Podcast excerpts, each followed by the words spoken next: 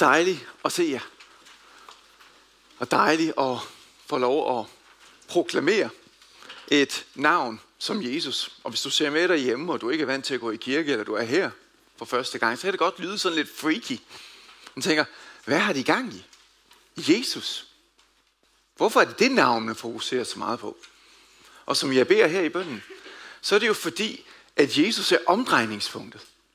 For alt, der hedder kirke. Og har været det igennem flere tusind år. Uanset hvilken situation man har stået i i verdenshistorien, så er der nogen, som har fået det på deres læber og så siger, Jesus, han er svaret. Jesus, han er håbet. Jesus, han er freden. Og det er jo det, der har lyttet. Og det er derfor, der er sådan en begejstring. I sådan et fællesskab, som der er her. Og jeg vil egentlig opfordre dig, hvis du sidder derhjemme, og du har fået tilsendt videoen, eller du sidder og kigger med live, og prøv at tage del i det. Prøv at tage håbet ind. Prøv at tage freden ind. Prøv at se, hvad det er, at det kan gøre. Jeg ved ikke, hvordan den her uge har været for dig. Kender du det? Med at ens verden bliver ændret i løbet af kort tid.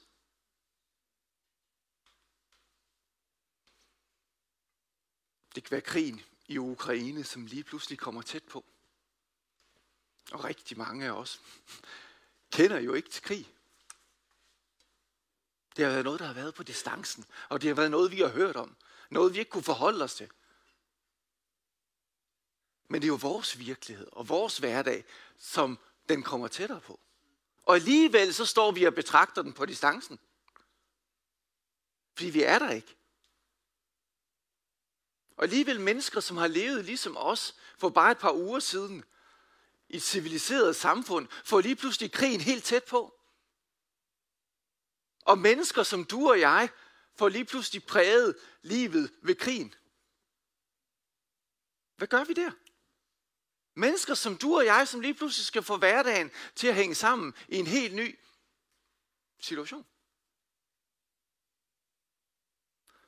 Derfor er det mig en glæde, at jeg står her, ikke som mig selv, men jeg står egentlig her og forkynder det budskab, som der egentlig har lyttet ud over verden i så mange hundrede år nu. Og som har virket, og som virker. Og hvis ikke det skal virke ind i en situation, hvor der er krig, hvor der er smerte, og hvor der er død. Hvis ikke at kirken skal vågne op, og så være klar over, at vi har noget at skulle have sagt, fordi at vi kan pege på den, som kan give fred midt ind i det mest elendige. Hvornår skal vi så vågne? Temaet i dag hedder God in my everything. Gud i mit alt. Er det kun i det gode? Er det også i det svære? Jeg kunne tænke mig lige at læse. Det er nogle vers fra prædikernes bog, som egentlig meget godt sådan beskriver det her. Og prøv at lytte med og se, om du kan genkende din situation ind i det, der bliver læst her.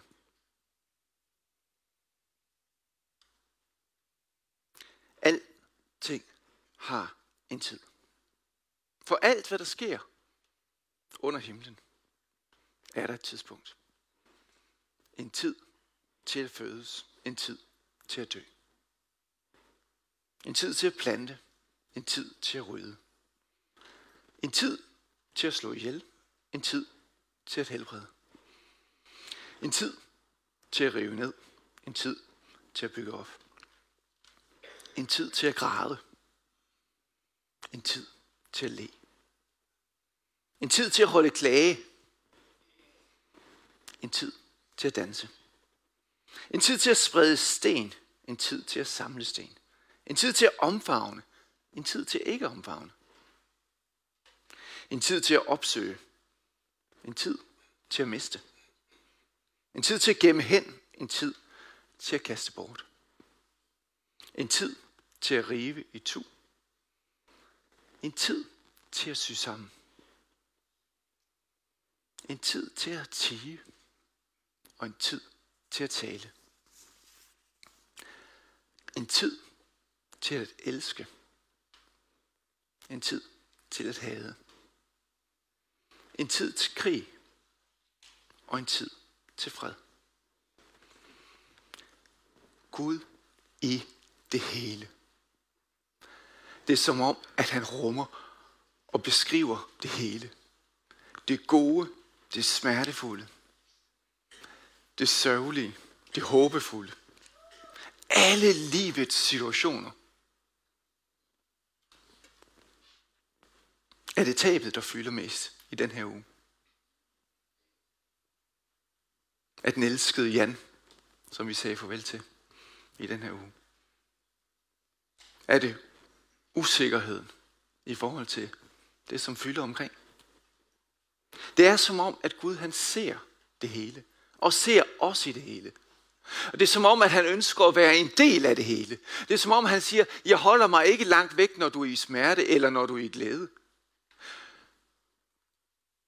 Nogle perioder af vores liv, de er sådan meget præget af en af de her situationer. Men de fleste uger, måske allerede, øh, også bare den her uge, kan vi genkende, at rigtig mange af de her ting, de indeholdes i en og samme uge. For hvordan i alverden kan vi opleve, at der er noget, der kan være sorgfuldt og glædefuldt på samme tid? Jeg har stået der flere gange med nogle af mine nærmeste, og har mistet dem, og stået der med en enorm sorg, som var ubærligt. Og så oplevede mine børn løb rundt og lavede sjov og ballade og grinede. I løbet af det samme lille øjeblik kunne forholde sig til en stor krig og smerte i Ukraine, samtidig med, at jeg er nærværende med nogen, jeg holder af, og oplever fred og tryghed, samtidig med, at det er så usikkert.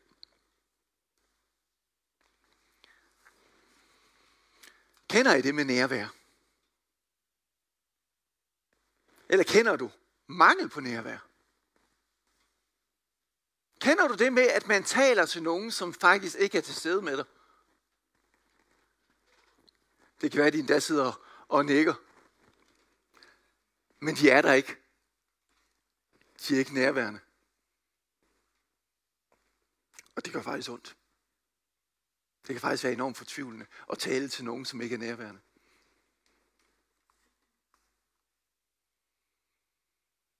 Overskriften hedder Gud i mit alt. I anden Mosebog, det er helt i starten af Bibelen, der læser vi om Moses, som øh, møder Gud ved en brændende tornebusk. Og der præsenterer Gud sig selv med hans navn. Jave. Jeg er. Jeg er. Jeg er. Det er nærværende. Jeg er. Det bliver ikke mere nærværende. Jeg er, og så kan du nævne hvad som helst derefter. Jeg er. Jeg ønsker at være en del af hele mit liv. Og i alt, hvad jeg står med. Jeg er i mit alt. Gud, han er allestedsnærværende. Og man kan sige, det er jo egentlig fantastisk. Og så blive mindet om, han er her, han er der, og han er alle vegne. Vi derimod, vi kan kun være nærværende et sted ad gangen. Og alligevel har vi svært ved det. Eller er det bare mig? Det der med at være nærværende lige hvor jeg er, i nuet og i situationen. Og har vi Gud med, der hvor vi er?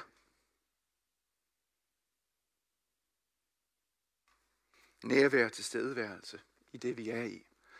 Jeg har sådan en lille tricks, som jeg bruger. Og nogle gange så kan det være meget godt at så egentlig gøre det meget sådan fysisk. Jeg har taget min lille lakridsæske med. Der er ingenting i. Jeg kan egentlig godt lide at gå med den i min lomme. Altid. Ikke fordi den minder mig om, at øh, jeg savner lakridser. Men fordi, at jeg går mellem mange forskellige rum i løbet af min hverdag og i mit liv. Nu er jeg her til gudstjeneste. Lige før jeg skulle på, så var jeg en del af et, fæl- et fællessangs. Kunne jeg være nærværende i det, når jeg nu vidste, at jeg skulle op og så tale herefter? Eller fyldte det i mine tanker, at nu skulle jeg herop, og så skulle jeg på med noget andet, så jeg rent faktisk ikke kunne være nærværende i det øjeblik? Jeg ved ikke, om I kender den situation. At så går jeg fra det ene møde til det andet. Og i mit arbejdsliv, så er der mange møder, som hedder væg til væg. Fra 8 til 9, fra 9 til 10, og så går jeg videre. Og lige pludselig så er arbejdsdagen gået. Og så tænker man tilbage, hvor var jeg nærværende?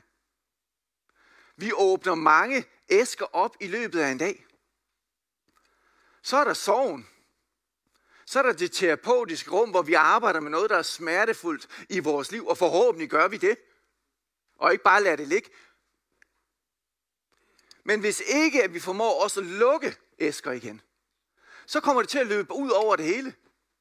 Og så kan vi ikke være nærværende. Når jeg er i et terapeutisk rum og arbejder med noget, der er svært i mit liv, så gør jeg det, at inden jeg går derfra, så siger jeg, nu lukker vi ned. Og jeg ved, at der er en tid til, at jeg arbejder med det igen. Når jeg sidder med en direktion et eller andet sted, og vi sidder og forholder os til krisen i Ukraine, som vi gør i de her dage, så åbner vi den æske op, og så er vi nærværende, og så er vi i det, det handler om. Men jeg skal lukke ned, inden jeg går over til det næste møde, som handler om en politisk beslutning i forhold til et lokalpolitisk byggeri eller noget andet.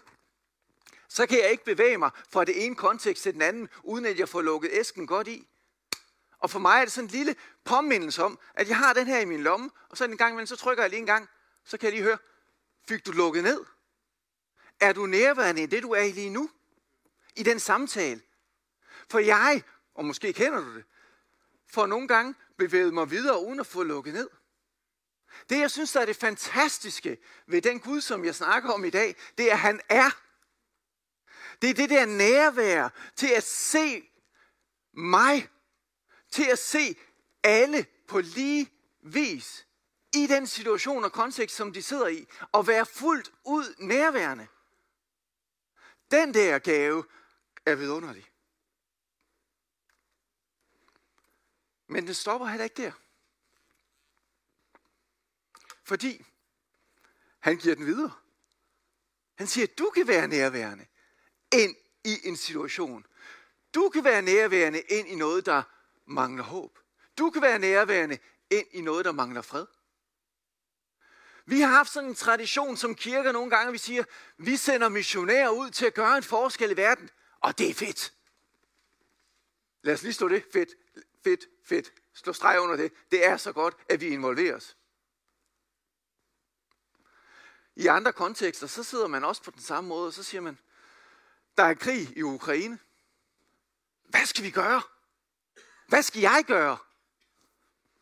Nogle gange kan vi blive lidt pacificeret i vores kontekst og kultur, hvor at der lyder en smerte, eller der lyder et behov, og så siger vi, hvad gør staten?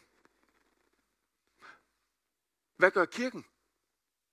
Men det er som om, at vi forsøger at undskylde os selv. Hvad gør jeg? Og hvad er jeg ind i det her? Og det kan blive sådan en undskyldningsmanøvre i vores liv, hvor vi siger, hvad gør de andre? Hvad gør kirken? Hvad gør staten? Hvad gør min nabo? Så vi har ikke bare en dagsorden som kirke om at sende folk ud for at gøre en forskel, for den har vi. Men vi skal også huske, at vi er sendt, som han var sendt.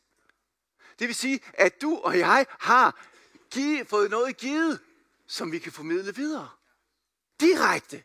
Og vi behøver ikke at være afhængige af større organisationer og stat og alt muligt andet, for at vi kan gøre en forskel. Og det budskab vil jeg rigtig gerne formidle den her formiddag. Jesus, han sagde som de sidste ord, da han var sammen med sine disciple, mig er givet al magten i himlen og på jorden. Læg mærke til, hvor meget magt det var. Det var al magten i himlen og på jorden. Det var ikke bare i himlen, det var også på jorden. Nogle gange så tror vi, at det er i himlen. Men det er også på jorden. Mig er givet al magten i himlen og på jorden. Gå der forud og gør alle folk slag til mine disciple i, dø, i døbe om i faderens, søns og heligåndens navn. Gå der forud, fordi det er ham, som har magten, og ikke os. Vi går ikke i vores magt og i vores mangelfuldhed til kortkommenhed i forhold til, hvor store problemerne er omkring os. Vi går, fordi han har al magten. Men læg mærke til, at han også siger, gå. Gå derfor. Og nogle gange så gør vi det samme igen som kirker. At vi siger, kom. kom. Kom og oplev. Jesus siger, gå. Gå. Vi siger, kom nu, kom ind til os. Gå. Gå nu ud. For jeg har al magten af himlen, for himlen, i himlen og på jorden. Gå nu ud med det. Tag det nu videre. Fordi Jesus sagde til dem, og det er igen efter hans opstandelse, han står der. Og de er nervøse, og de er bange, fordi at folk er jo efter dem, ligesom de var efter Jesus. Fred, vær med jer. Faderen har udsendt mig. Som faderen har udsendt mig, sender jeg også jer. Der er ikke ret meget passivt i det her. Der er noget meget, meget aktivt i, at vi er kaldet til at gå. Til at være sendte. Og der er stor forskel igen på, om det der med, om vi rækker ud til folk, eller om vi er udrakte. Fordi at vi hænger sammen med en, som har fået al magten. Derfor rækker jeg det videre til nogle andre. Jeg kobler mig på freden og formidler freden. Jeg kobler mig på verdens håb og formidler håbet. Vi har fået en opgave, og hvis ikke den skal leves ud i den her tid, hvor der er så meget håbløshed, der er så meget krig, der er så meget elendighed, hvis ikke at vi skal række ud, og vi sidder og venter på andre, der gør det, eller staten gør det, eller naboen gør det, så tror jeg, at vi misforstår en pointe. For evangeliet er aktivt.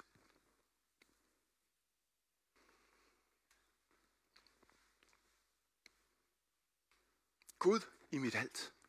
Hvad er vores alt? Hvor er du til dagligt? Hvad er det, du ser? Hvad er det for nogle behov, du ser? Hvad er det, du mærker? Er du på en skole?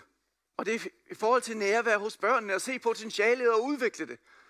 Så tag Gud med ind i det. Er du i forhold til miljøproblematikker? Eller lukker vi øjnene for dem og så siger, nej, vi har en vigtigere dagsorden som kirke? Jeg tror, det er vigtigt, at der er nogen, der rejser sig op og så er banebrydende i forhold til den dagsorden og gør en forskel. Ser du det? Hvad med i forhold til racisme? Hvad med i forhold til nødhjælp og møde sult? Hvad med i forhold til krigen i Ukraine og flygtninge, som kommer? Kan vi formidle fred? Kan vi formidle noget? Kan vi være udrakte? Kan vi være udsendte, som han var udsendt? Er det inde i byrådssalen i Randers, hvor der går så mange historier fra i forhold til, om der er dårligt samarbejdsmiljø, eller om man ikke får truffet ordentlige beslutninger? Involverer vi os? Er vi der? Ser vi behovet for at være der og tage Gud i mit alt med ind, hvor politiske beslutninger bliver truffet? Eller har vi fået vane for at sige, nej, kirkens, det er kirkens, det holder til om søndagen, og så holder vi det herover. Men det er jo ikke så meget kirken, der skal ind der. Det er dig, der skal ind med Gud i dit alt. Og vi har brug for, at vi involverer os, og vi er udragte der, hvor vi er. Vi gør en forskel.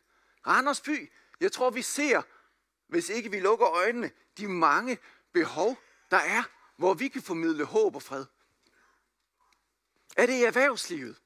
Er det at gøre en forskel for kommunens økonomi? At skabe jobmuligheder for andre? At der er brød på bordet i forhold til familier? At vi starter virksomheder op, og vi gør en forskel? Jeg tror på, at vi har fået givet noget skaberværk i os fra skaberen selv til at være initiativtager, til at skabe ting, som for, for, gør en forskel for andre. Er det i forhold til folks rettigheder, og hvordan at vi egentlig ser på, på kvinder, og hvordan at det har, øh, er det lige løn, er det lige rettigheder i Danmark og, og rundt omkring. Det kunne være mange forskellige ting. Hvad er det, du ser? For Gud har givet dig nogle øjne, så du kan se det, som du ser. Men lad det ikke bare blive til en passiv betragtning af, at jeg kan se behovet, eller jeg kan se problemerne. Du er sendt, som han var sendt. Du er udragt og hænger sammen med ham, for at et hvert behov kan mødes. Gud i mit alt. Lad os ikke bare sige søndag formiddag, der skal du være med i mit liv, Gud. Men det er der, hvor jeg er i skolen. Det er der, hvor jeg er på arbejdet. Det er der, det bliver integreret. Og jeg synes, det var enormt fedt også i søndags at så høre Tove tale og få ligesom brudt det her ned i forhold til, hvad der er kirke og hvad der er værtsligt, i forhold til, om det hedder tjeneste, som man nogle gange snakker om. Det der begreb. Fordi egentlig, så skal vi tjene fuldtids, alle sammen, der hvor vi er. Og ikke bare nogen, som gør det en søndag formiddag på en eller anden platform. Mennesker, de sidder og råber, Gud, hvor er du? Hvor er du hen i mit liv? I den smerte, eller den sorg, eller den situation, som jeg står i. Og Gud siger, hvor er du menneske? Du er sendt, som jeg er sendt. Gud har gjort sig afhængig af sin kirke. Han har gjort sig afhængig af dig og mig. Fordi at vi kan være udragte. Så vi står ikke i vores egen kraft. Vi står ikke med et pres på vores skulder. Nej, vi går bare som villige mennesker, som jeg formidler glad og gerne. Fordi det er noget andet. Tag mit å på mig, som er gavnligt, siger Jesus. Så det ikke er stress og jag og et kæmpe stor bekymring på vores skulder. Nej, vi tager hans på os. Fordi det er ham, som har al magten. Og det er derfor, vi går ud. Det er søndags så øh, nævnte Tove også det her, som jeg synes, det var enormt inspirerende. Og det var fra Johann Sebastian Bach, hvor at, øh, han skriver i slutningen af hans øh, komp- øh, kompositioner, øh, hvor at han egentlig skriver altid Soli Deo Gloria. Alt til Guds ære. Kun til Guds ære. Gør vi det i vores liv?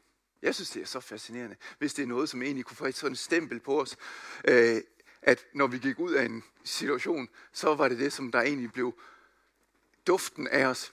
Det her, det gjorde jeg til Guds ære, uanset om det så var et rengøringsjob, uanset om det var så et direktørjob, uanset om det var så et lærerjob, eller et pædagogjob, eller et sygeplejersjob, eller jeg slet ikke har noget job, og jeg skal være nærværende med min nabo, eller jeg fejrer min gade med den samme ærekærhed, som var det for Gud at jeg i alt, hvad jeg gør, og i alt, hvad nogen af os gør, ikke tænker, ej, det her det er næsten for ring til, det skal være for Gud. Nej, det jeg laver nu, det er for Gud. Så jeg er nærværende i den her situation, som var det for Gud. Jeg ser dig, som det var Gud, der så dig. Jeg møder dit behov.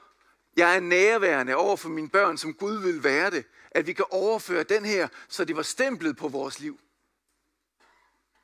Ej, hvor vil jeg gerne have, at det var det, der egentlig også stod på min gravsten et eller andet sted. At det var det narrativ om mig, som der kom. Til Guds ære levede jeg der, hvor jeg var, nærværende med ham og formidlende. Evangeliet er jo de gode nyheder. Og gode nyheder er altid gående på to spor. Det er forkyndelsen af evangeliet.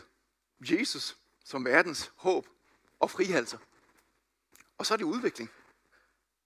At vi udvikler samfund og mennesker omkring os. Vi ser potentiale, og vi udvikler det. På samme måde som Jesus ser og udvikler potentialet i den enkelte af os. Og det er jo det, som har gået hånd i hånd igennem tider og i missionsarbejder over hele verden. Mine øh, egne øh, bedsteforældre, farfar og farmor, de flyttede til Tanzania i 1954 og så kom de ud med evangeliet, så så de, der var ikke nogen, der kunne læse i en bibel overhovedet. Hvad bliver man så nødt til? Start skoler. Forkynde evangeliet, så at folk selv kunne gå i skole og begynde at læse og forholde sig til det, som der egentlig bliver talt. De oplevede hurtigt, at øh, to ud af 100 af alle eleverne på skolerne, de første næsten 10 år, det var piger. 3 ud af 100 kan man så sidde passivt tilbage og så bare forkynde evangeliet og lære folk at undervise som egentlig så var bare drengene, eller bliver man nødt til også at sige, med evangeliet kommer der et andet ansvar til at løfte. Vi skal have gjort noget for pigers, for kvinders rettigheder, for at få dem løftet op i samfundet. Og min øh, farmor startede skoler og pigeskoler og blindeskoler, som også var øh, forkastet i samfundet. Og med 10 års indsats, på det her område i forhold til piger, så var de 52 piger ud af 100 efter 10 år. Vi kan ikke bare lade stå til og så bare sige, jamen det ordner sig nok. Fordi udviklingen i vores samfund kommer med, at der er nogen, der tager ansvar og går ind og er banebrydende og gør en forskel. Hvor skal vi gøre det? Får vi øje på det?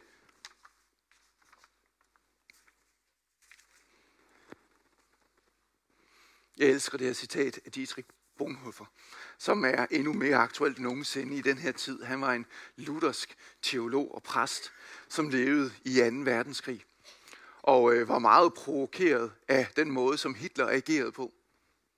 Selv var han pacifist, pacifist og sagde, jeg skal aldrig nogensinde tage et andet menneskes liv.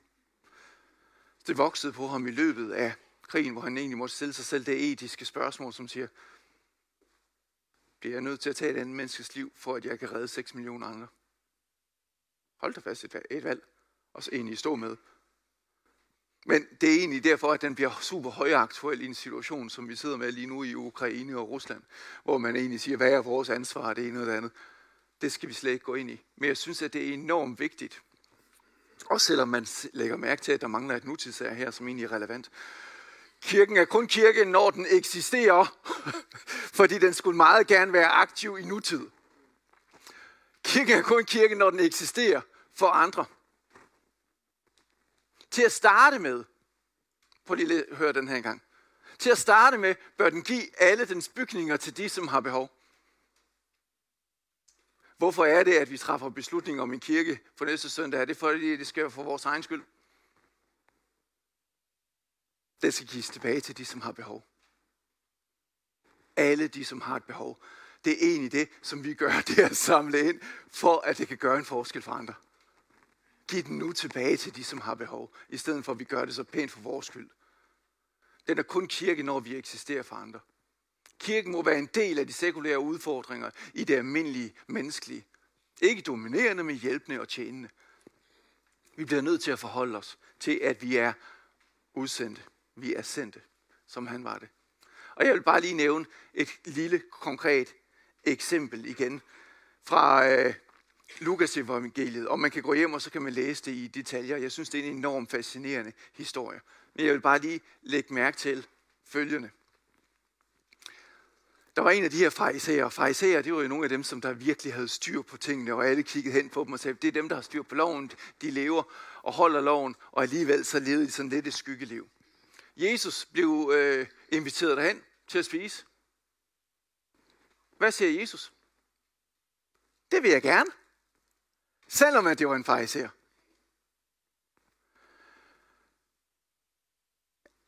Måske er det lidt farfetch, men jeg ser ikke Jesus sige, kom hen til mig og spis. Men vi ser Jesus igen og igen gå ind i folks huse, ind i folks hjem, ud på gader og stræder. Og så siger han, han fik en plads ved bordet, og nu var der en kvinde, som levede i synd i den by. Da hun fik at vide, at han sad til bords, så gjorde hun alt, hvad hun kunne for at komme derhen. Og den reaktion, som hun har, når hun møder ham, er egentlig voldsom. Hun gik derhen med sin alabastkrukke fuld af olie, stillede den stillede sig grædende bag ved ham ved hans fødder og begyndte at væde hans fødder med sine tårer og tørrede med sit hår, og hun kyssede hans fødder. Her har vi et menneske, som er udkast, som ikke har noget som helst at skulle have sagt i et samfund. Rettigheder for kvinder, ikke mindst dem, som måske erhvervede sig ved prostitution eller på anden vis. Totalt. Udkast. Jesus, han gør noget andet. Han er der. Ind i fariserens hus, han kunne sagtens servicere dem og gøre en forskel for dem, og han var der også for dem. Men han mødte også en kvinde. Fariseren, som havde indbudt ham, så det, så tænkte han, hvis han virkelig var profet, så ville jeg nok vise, hvad det var for en kvinde, og så vil han nok ikke tillade, at det, her, det egentlig skete. Og måske er det også sådan, vi tænker. Jesus sagde til ham, Simon, jeg har noget at sige til dig. Og så begynder han at give det her eksempel. Hvis at der var en, som havde lånt en hel masse penge, og en, der kun havde lånt lidt, og man så fik det eftergivet, hvem vil så være mest taknemmelig? Den, som har fået eftergivet allermest. Dem, som har de største behov. Dem, som måske føler sig uden berettigelse til at egentlig at få håb eller glæde i hverdagen. Og dem, som der lever med de mest elendige, er også dem, som vil føle den allerstørste glæde ved at få en glæde og få et håb.